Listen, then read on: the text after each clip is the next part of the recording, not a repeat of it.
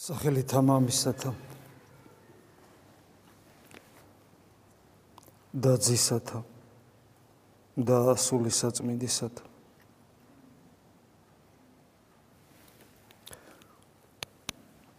ჩვენ განსაკუთრებულ მდგომარეობაში ვართ ქრისტიანები. ჩვენ ვიცით რომ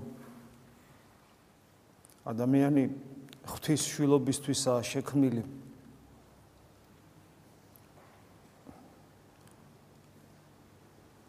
საოცარი პოტენცია, რომელიც ყველა ადამიანს აქვს,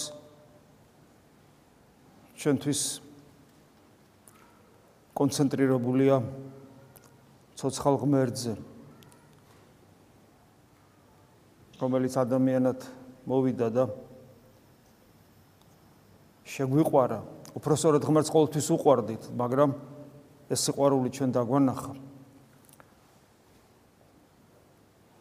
და ამით გვაჩვენა, რომ მარადიული სიცოცხლე სიყვარულია. გვითხრა კიდევაც, რომ თავადაა სიყვარული და სასუფეველში მყოფობა ღვთის სიყვარულს ნიშნავს.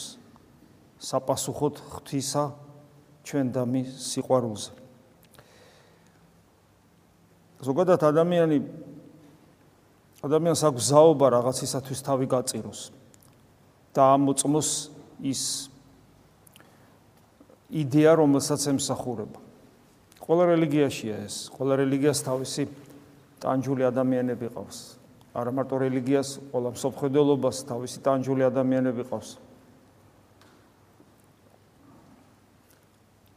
თვით ათეიზმსაც კი თავისი ტანჯული ადამიანები ყავს. ვინც საბჭოური რუსეთის ისტორია იცის, ცოცხალი მაგალითებით შეიძლება ვიცოდეთ თუ როგორ წირავდნენ ადამიანები თავს საბჭოეთის იდეას. ფაქტობრივად არაფერს, მაგრამ ეს ასე იყო. ხოლო ქრისტიანობაში ანუ ეს ტრანსფორმირებულია ეს სიყვარული, რომელიც ღვთისადმი უნდა ქონდეს ადამიანს, ტრანსფორმირებული ხდება და სხვადასხვანაირად ავლენს საკუთარ თავს. მაგრამ ქრისტიანობაში მოციქულების მაგალითზე თუ ვიტყვით, მოციქულები იდეის გამო კი არ კვდებოდნენ. ეს ძალიან მნიშვნელოვანია რომ გვახსოვდეს. მოციქულებმა თვალით იხილეს ყდათით აღდგარი მაცხოვარი. ანუ ფაქტის გამოკვდებოდნენ. ფაქტის გამოიდევნებოდნენ. აი პავლე მოციქული რის გამოიდევნება ზოგადად ყველასგან და მათ შორის ათენში. არა იმის გამო რომ ღვთისმეტყველებს, არა იმის გამო რომ რაღაც ლამაზ იდეებზე საუბრობს, არამედ არამედ იმიტომ რომ ყდრთით აღდგომაზე საუბრობს. ეს იყო აუტანელი, ეს იყო აუტანელი სამყაროსათვის.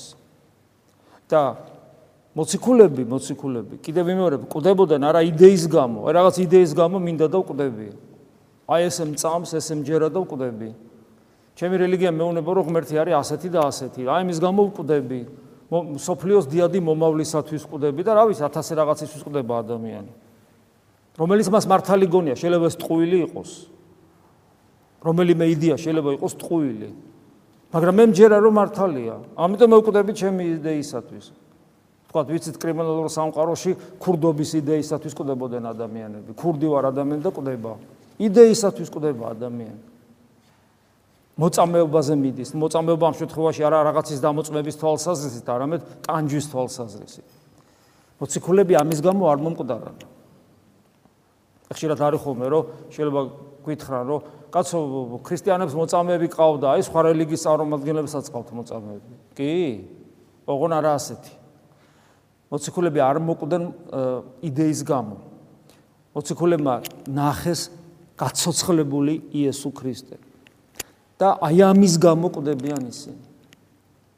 ანუ ფაქტის გამო, რომელსაც რომლის თვითხილველებიც იყვნენ ისინი. გესმით, ერთი ადამიანი რო თუნდაც სრუ იდეას ემსახურება და მისთვის მოკვდება, ოღონ ეს სრუ იდეა მას მართალი გონია. მაგრამ ხო გესმით, თუ არ აღმდგარა, და თავის თვალით არ ნახა, ის ვერ იტყვის, რომ აღდგა და ამიტომ ყვდები. გესმით? აშკარად ყვილი იქნებოდა. ამიტომ კოდრეთით აღდგომა არის ქვაკუთხედი ქრისტიანობისა. ეს ამას ატოვ ამბობ. ჩვენ თუ ჩვენი რწმენა თუ არ არ არის კონცენტრირებული კოდრეთით აღდგომაზე, მაცხოვრის და ეს კონცენტრირება ინტელექტუალური მდგომარეობა კი არ არის. აა ეს წერია და ამიტომ ეს არის მდგომარეობა, რომელიც თელ ჩვენ შინაგან სამყაროს უნდა ცვლიდეს. ჩვენი სულიერი ცხოვრება ამას ეფუძნება, როგორც დიდი პავლე ამბობს, თუ არ აღდგარ ამ ყდრეთით მაცხოვარი. მაშინ ჩვენ ყველაზე ყველაზე საცოდავი ადამიანები ვართ, იმიტომ რომ ყდებით იმისთვისაც არ მომხდარა. არ მომხდარა. ანუ იდეის გამო კი არ უყდები, არამედ ფაქტის გამო აღდგა ყტრეთი და რა დასტურდება ამით? ამით ის დასტურდება, რომ ღმერთი ადამიანად მოვიდა. იესო ქრისტე არის ღმერთი ადამიანად მოსული.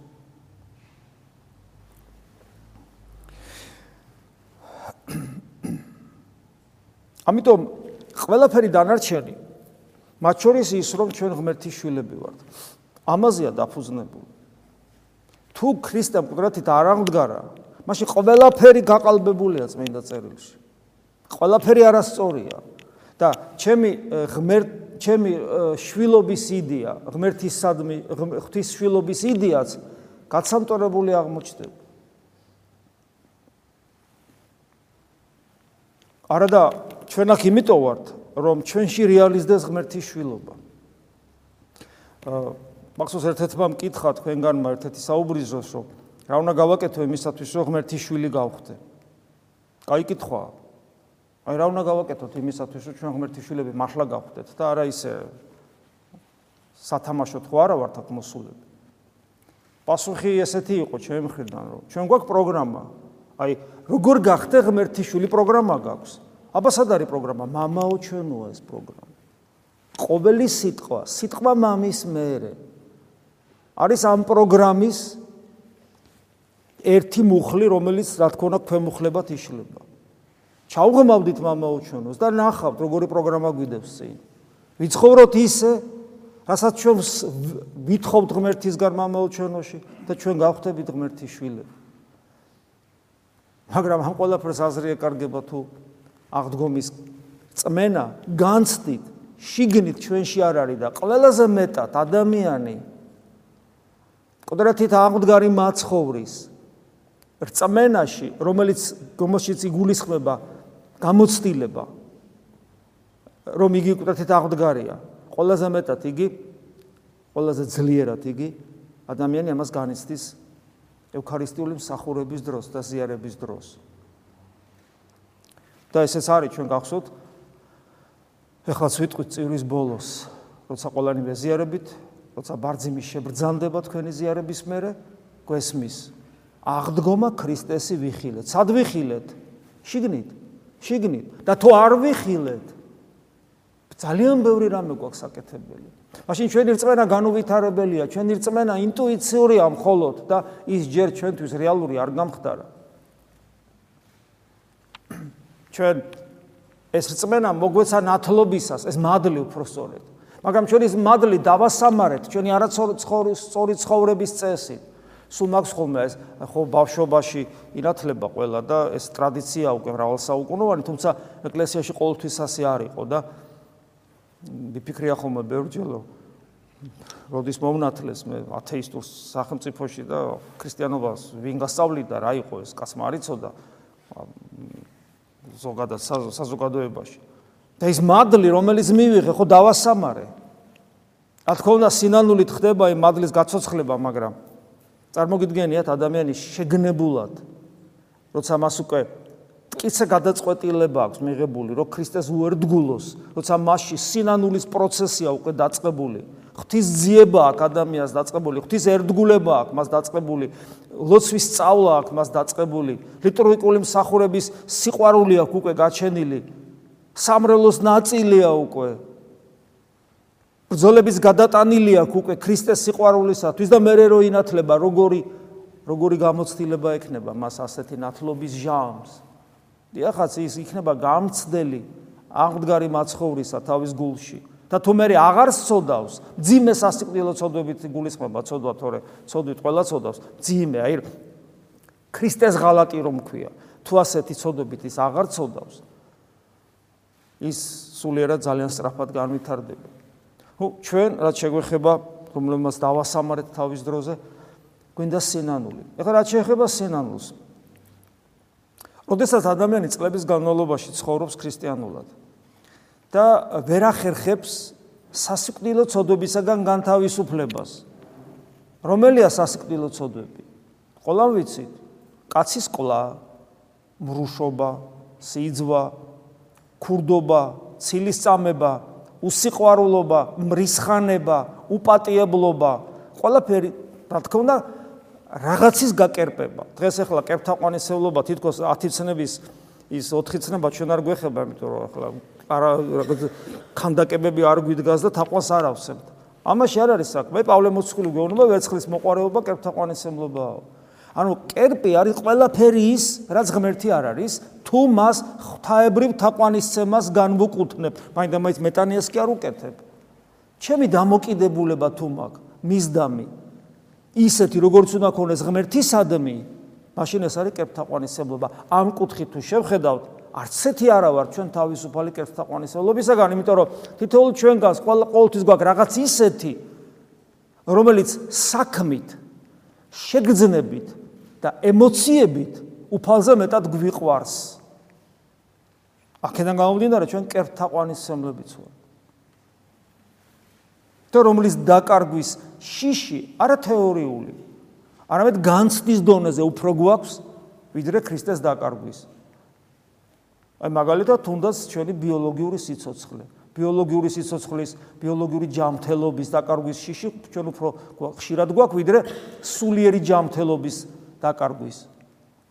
ჩვენზე, ჩვენ შვილებზეც იგივე ვაკეთებთ. ჩვენ ვართ კერთაყვანისმლები. აი ყდრეთით აღდგომის მერე თვითონ მოციქულების პოზიციას, ხა მოციქულებს ესაუბრება უფალი, მაგრამ ამით ჩვენ გვესაუბრება. აი ნახეთ რა შეუნება. მას დღესაშინა, ანუ როდესაც მე მკვდრეთით აღსდგები, მერე უკვე შესაბამისად კვეთით აღდგომა, მერე ამაღლება, მერე სულიწმინდა ღმერთის გარდამოსვლა, ანუ უკვე მეორე კვეთით აღდგომის შემდგომი პერიოდია საუბარი ამაღლებით და სულთმოფენობით თურთ, როცა უკვე ეკლესია არის დაარსებული. ამ პერიოდზე საუბრობს მაცხოვარი. მას დღესაშინა მე არ არა მკითხოთ. ამინ ამინ გეტყვით თქვენ, რამე თუ რაოდენიც არა სთხოვოთ მამასა სახელითა ჩემითა მოგცეს თქვენ. აქამომდე არ არა გითხოვიეთ სახელითა ჩემითა, ითხოვდით და მიიღოთ, რათა სიხარული თქვენი სავსებით იყოს. იოანეს სახარება ეს მე-16 თავი და მე-14 თავშიც ვკითხულობთ. რაიცა ითხოვოთ სახელითა ჩემითა, მე ვყო, ანუ მე აღვასრულებ. განსაკუთრებულ ძალმოსილებაზე მეანიშნებს უფალი თავის სახელისა. განსაკუთრებულ ძალმოსილების. და ინახეთ ეს სიტყვები ძალიან საინტერესოა, ძალიან ღრმა არის, ხა ბოლომდე ჩვენ ამას უბრალოდ ვერ გავივლით თავის თავად ცხადია. აა მე არ არა მკითხოთ. და რაც რასაც ითხოვთ, რასაც ითხოვთ ჩემი სახელით. მამასთან, мама ამას გაძლევთ.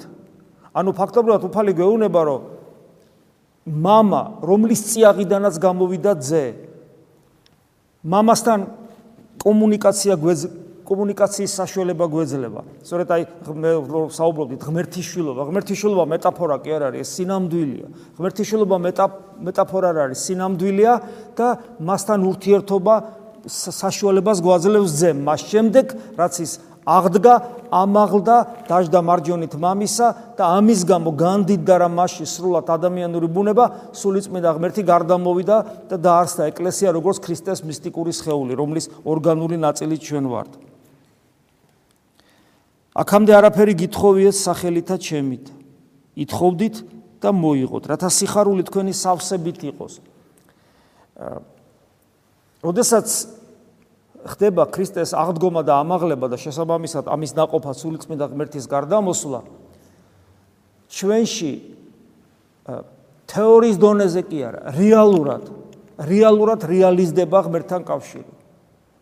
რეალურად, ამიტომ აქამდე მოციქულებს ეუბნება, ანუ მოციქულები ძველი აღთქმის პერიოდის პერიოდზეა საუბარი, სანამ ახალი აღთქმის ეკლესია, სანამ ღვთის სამეფო დაარსდება. ღვთის ეკლესია არის, აი ღვთის სამეფო ჩამოვიდა. ყოლაწმინდა სამეფო ყოლაწმინდა სამების სამეფო ჩამოვიდა და დამკვიდრდა დედამიწაზე. და ის 2000 წელი აგროვებს მოქალაქეებს.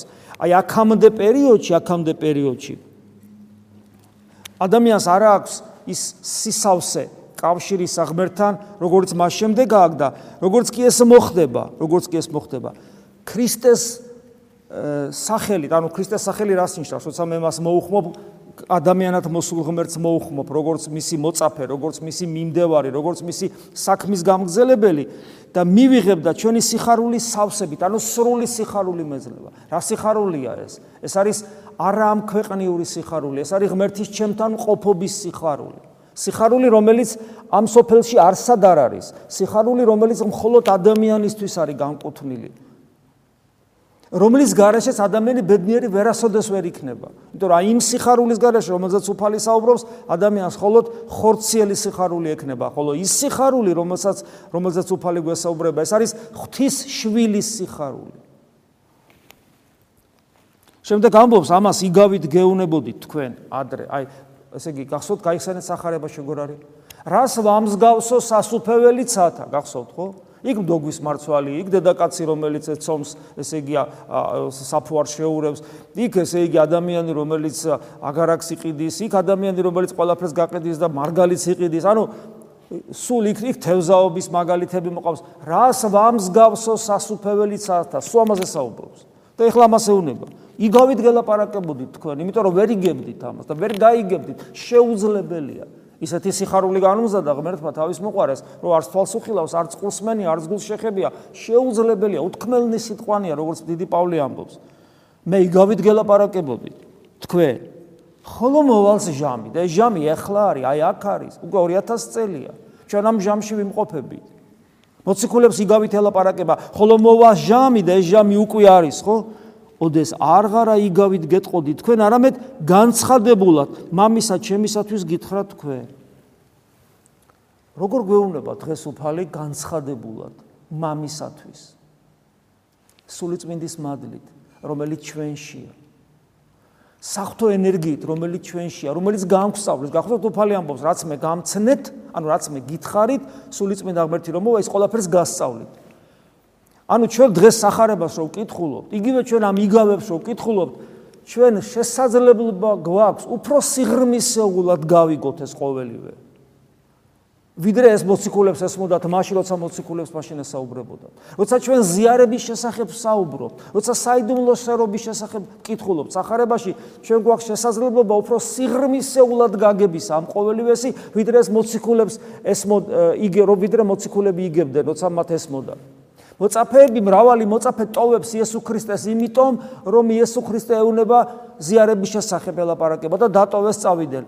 ჩვენ გაცილებით უფრო მეტი გვესმის დღეს იმიტომ რომ ჩვენ განვისწავლებით შიგნიდან შიგნიდან ვერბალურად გარედან რო ვკითხულობთ ხოლო შიგნიდან მადლის მიერ. აი ეს ის დროა ზუსტად.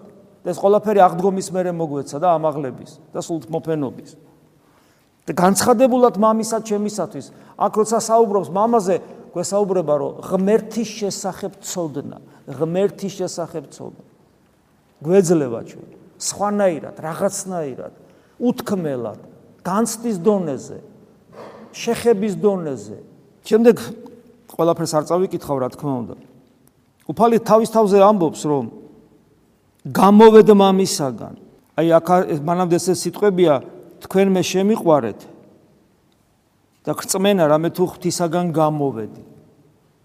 ანუ ჩვენი სიყვარული უფლისადმი როგორც ღმერთისადმი, როგორც ადამიანისადმიც არის და როგორც ღმერთისადმიც არის, როგორც ჩვენი მოძღვრისადმია და ჩვენი მეფისადმი, ასევე როგორც ღმერთისადმი, იმიტომ რომ მამის წიაღიდან გამოსულია. ეს ეს წმენა, მისი ღმერთკაცობის წმენა, ეს ძალიან მნიშვნელოვანია.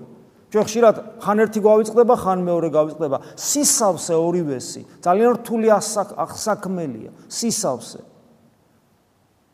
აი მაგალითად როცა ვეზიარები, ძალიან ძნელი ახსაქმელია და ძალიან ძნელი განსაცდელია იმ განცდის დონეზე, ძალიან ძნელი მისაღებია ის, რომ ამ დროს ვისაც მე ვიღებ, ის არის სამყაროს შემოქმედი.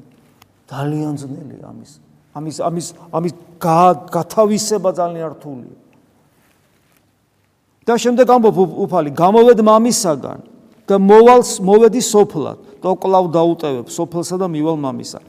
კიდევ ერთი მამის წიაღი, ხო გესმით? ღმერთის წიაღიდან გამოსული. მამაც და ძეც და სულიწმინდაც. ერთი იშვება მარადიულად, მეორე გამოვლინდება მარადიულად. და ის ვინც იშვება მარადიულად, მან ადამიანური ბუნება მიიღო. ღმერთი, რომელმაც ეს უკიდეგანოს სამყარო შექმნა, წარმოგიდგენიათ ვიზია საუბარი. და გამოვიდა მისი წიაღიდან. ზეთ იწოდება, რატო ზეთ, რატო სულად, როცა ზეთ სულია, კაცმა რო თქვას. რატო ძეთ რამე თუ მამისგან იშვება? კი, მაგრამ სულიწმინდა ღმერთიც მამისგან ოღონ არის იშვება, რა განსხვავება შობასა და გამომავლობაში? ეგ არავინ არ იცის. ეგ არის ჰიპოსტასური განმასხვავებელი ნიშნები, პიროვნული განმასხვავებელი ნიშნები, რომელიც რომელიც იქით რა არის, ჩვენ არ ვიცით. დიდი საიდუმლოებაა ეს. წარმოგიდგენია, ან ეს რო ვიცით, ან ეს რო ვიცით ღმერთში, რაღაცა როგორ არის, ცოტათი მაინც რო ვიცით, მართლაც მართლაც ღვთისმშილობაა ეს თორე აბა საიდან და აი დროცა საუბრობს ესე რომ გამოვედი მოვედი ამ სოფლად და მე ესე მივდივარ მამასთან თან მამასთან მიდის და ადამიანური ბუნებით არის ეს ცალკე განსაცვიფრებელია ესე იგი მისი პერსონა იტანჯა იმიტომ რომ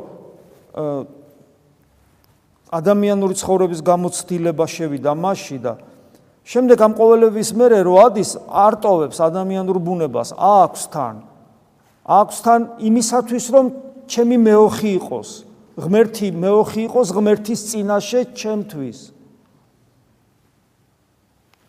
და აი ასეთ რაღაცებს ეუნება ნახეთ მოწაფები რას ეუნებიან თქვენს მას მოწაფეთა როგორი ეს ეს ბავშვური ისა მოციქულებს დამოკიდებულება, მაგრამ ჩვენთვის ეს ძალიან სასარგებლოა ყველაფრის დანახვა.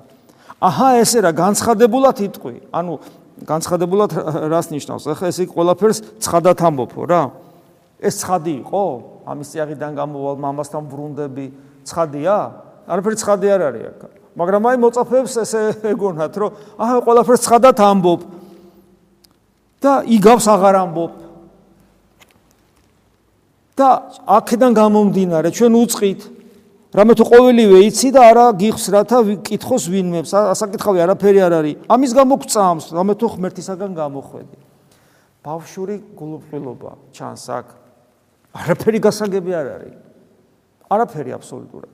უბრალოდ მოციქულებს პირდაპირ უთხრა რომ მამის წიაღიდან გამოვედი და მამასთან უნდა დაუბრუნდე. მაგრამ ამ სიტყვებს ზალა მე მეეცემა მოციქულებისათვის ოდესაც კვდათით აღდგება, ხოლო სანამ აღდგება, რომ მოკლავენ, ეს მთელი ცოდნა, აი რომ ამბობ რო ამბობს რომ მოციქულები რო ამბობენ რომ კი კი ჩვენ როგორ არა უკვე ვიცით უკვე ყველაფერი გასაგებია და უხარიათ რომ მამისი აღიდა ჯერათ უფლისა ჯერათ როგორ შეიძლება არ ჯეროდეთ რებს აკეთებს უფალი ხო? გულთამხილავი ყველაფერი ამხელა ძალას საჩვენებს ჯერათ ჯერათ და უცებ რო ჯერათ და უცებ რო ეუბნება რომ მამის წიაღიდან დიადი ღმერთის წიაღიდან გამოსული ვარ და ისე ვიქ უნდა დაუბრუნდე უხარიათ. და რა კარგია ამბობენ რომ აი გითხარი ყველაფერი უკვე და აღარაფერი კითხვა საჭირო აღარ არის და უცებ უფალი ეუნება და 13 წამ ხოლო ეხლა წამ. და მე ამბობს? ახ ამბოვალ ჟამი და მოწევნულ არს რამე თუ განიბნინეთ კაცად კაცადი თვისად ადგილად და მე მარტო დამიტევოთ ანუ ეუნება რომ არაფერს არ აქცამთ დადგება ჟამი, როცა თქვენ დაიფანტებით შეშინებულები და ესეც მოხდა. იმიტომ რომ თელი ეს თითქოს ეს თეორია სულ ჩამოენგრათ, იმიტომ რომ მოკვდა. ეხლა ადამიანი იტყვის დღეს, რომ კი მაგრამ დღეს ხო მე ვიცი რომ მოკვდა, აღდგა და სიკვდილი მასზე და აღარ აღარა უფლებდეს და შესაბამისად, შესაბამისად მოციქულებმა მაშინ არ იცოდნენ, მაგრამ მე ხო იცოდე და იმეც ვიცი და რა ვიცი. მოციქულებმა ჯერ არ იცოდნენ და მე უკვე სწამთ რომ ქრისტეს აღდგომა რო იხილეს და ჩვენს გვწამს და გვწამს უფალი ჩვენს გვეკითხება იმიტომ რომ ჩვენთვის როგორც კი მოდის განსაცდელები ჩვენს ხოვრებაში როდესაც ღმერთის თანადგომას მე ვერ ვგზნობ ის ყოველთვის ჩვენს გვერდზეა მაგრამ როცა ჩვენ ამას ვერ ვგზნობთ ამ ქვეყნიური თვალსაზრისით ჩვენი რწმენა ხუხულასავით ინგრევა და მაშინ უნდა ჩვენ თავს ვკითხოთ, მე უნდა ვკითხო თეოდორე გწამს. მე ხვალინდელი დღეს, დღის, როცა მეშინია, ხვალინდელ დღეზე როცა ვნერვიულობ, მე არ მწამს, იმიტომ რომ მე ღმერთს არ ვენდობი. შეიძლება ყოვლი შემძლეს, რომელსაც უყვარ ვარ, არ ვენდო? ესე იგი ან ყოვლი შემძლე არ არის, ან მე არ უყვარ ვარ. ერთ შემთხვევაშიც და მეორე შემთხვევაშიც წმენა არ მაქვს. ამიტომ ეს სიტყვები გწამს, ეხლა გწამს თეოდორე მეუბნები. არ დაგიდგეს დრო როცა ზურგ შემაქცე. დაი განიბნევით, განიფანტებით. როგორც პეტრემ გააკეთა, როგორც დანარჩენმა მოციქულებმა გააკეთეს. და დამტოვებ მარტო. ანუ მიმატოვებ, ანუ ჩემზე უარ სიტყვი. ათასი რამით შეიძლება დეკლარირება არც მოვახდინოთ. მე ქრისტეს უარყოფ. ეგეთები ხომ მომხდარა, რამდენი ზგინა, მაგრამ შეიძლება ესე არ გავაკეთო. დეკლარირებით არა. ცხოვრების წესი, ეკლესიიდან წავიდე, სულიერი ცხოვრება, ლოცვა დამეზაროს, წირვაზე მოსვლა დამეზაროს, სახარების კითხვა დამეზაროს, სიკეთის აღსრულება დამეზაროს, გაგასაზე გავბოროტდე, არ არ ვგავდე ქრისტეს სიმშვიდით, სიმდაბლით, მოთმინებით, გულმოწყალებით, მიმტევებლობით. ყველაფერი ეს ხამ ყველაფერს ხაზი გადაუსვა. ეს ქრისტეს უარყოფაა. და ნახეთ კიდევ ერთ საინტერესო მარტო დამიტევოთ და არა ვარ მე მარტო ამბობს უფალი არამედ მამაი ჩემ მამაი ჩემი ჩემთანა არს იცით რა საინტერესო სიტყვებია ეს არა ვარ მარტო мама ჩემთან არის ეს ნიშნავს იმას რომ მე რომ მტოვებ უფალი ეუბნება მე მეუნება ფაქტურად ამით ღმერთს ტოვებ მე რომ მტოვებ ღმერთს უარყოფ ქრისტეს რომ არ ბაძავ სიმშვიდით, სიმდაბლით, გულმოწყალებით, რა თვისებებიც განკაცებულ მაღმერთმა მაჩვენა. როცა მას არ ვერდგულებ, როცა არ ვერდგულ არ არ ვინაწილებ, აი როგორც პავლე პავლეს გავსათ რაღაცას ამბობს, რომ ჩემი ტკივილით შევმატეო ქრისტეს ტკივილებსო, ცოტა კადნიერი ნათქვამია. ანუ მე თუ მდევნეს თქვენს გდევნიან იგივე უფალი ვამბობს. მე თუ უარს ვამბობ ქრისტესთან ერთად ყოფნაზე, როცა ქრისტე იდევნება სადმე დედამიწის რომელიმე კუთხეში. და მეტიც მე თუ მას ჩემს გულში ვდევნი იმიტომ რომ რთულია ქრისტეს ერთგულება. არ არის ადვილი ეს არ არის უბრალოდ ღმერთის ერთგულება. ეს არის განკაცებული ჯვარცმული გოლგოთაზე მავალი ღმერთის ერთგულება რომელსაც რომელსაც თუ გაყვები ეს გზა აუცილებლად ვიწრო და ეკლიანი იქნება. ეს ძალიან რთულია მაგრამ აგერ მაფრთხილებს მე მარტო არა ვარ მე რომ ტოვებ მე მამასთან ვარ ერთად ვარ ან როგორც კი აი ამ ამ ტიპის სარწმუნოებას რასაც ქრისტიანობა ქვია ცოტათი შეიმსუბუქებ შენში იმ წამს ღმერთის უარყოფელი ხარ იმიტომ რომ მე არა ვარ მარტო мама ჩემთან არის და მე მამასთან მაგრამ მე რო გეუბნება რომ ამას რო გეუბნები თქვენ ამას გეუბნებით იმიტომ რომ მშვიდობა გქონდეთ მშვიდობა ამ სოფელსო ჭირი აქვს. არამედ მუგეშინიან. მე მიძლევი ეს ეს სოფელი. არ ვენდოთ? უნდა ვენდოთ. ასე რომ ჩვენ ყველა პირობა გვაქვს იმისათვის, რომ აა ცოდნის თვალსაზრისით, მადლის თვალსაზრისით, რომ ქრისტიანები ვიყოთ და თანაი დღევანდელ სახარებაში კიდევ ერთხელ გაჟღერდა ეს საოცარი მადლისმიერი საშუალება, რითაც ჩვენ ვიბრძვით. ეს არის იესოს უწმინდესი სახელი. ჩემი სახელით ითხოვდეთ, ჩემი სახელით ითხოვდეთ. ვისუნთქოთ ქრისტეს სახელით. ღმერთმა მიგვაღწევინოს იმ მდგომარეობისა და მდგომარეობისათვის, რომ არათუ სუნთქვაზე უფრო ინტენსიური იყოს იესოს სახელი. ჩვენთვის არამედ ყველაფერზე უტკბესი რომ ის გარეშე ყოფნა. აი ჩვენ ხო ვამბობთ რომ ქრისტეს გარეშე ყოფნას აზრი არ აქვს. მოდი ესე გვეთქვას რომ იესოს სახელის გარეშე როცა ჩვენ მას მუდმივად ვიხსენიებთ, აი ამ მუდმივი იესოს სახელის მუდმივი მოხსენიების გარეშე ჩვენს გულში ცხოვრებას აზრი არ აქვს. ფათაშორის ეფრემ არიზონელი ამბობდა ამას თავის წინში ამბობს იესოს ლოცვა ჩვენი ცხოვრების მიზანი იყო. აი ამ ამ სიღრმისეულად უნდა ამას გაგება.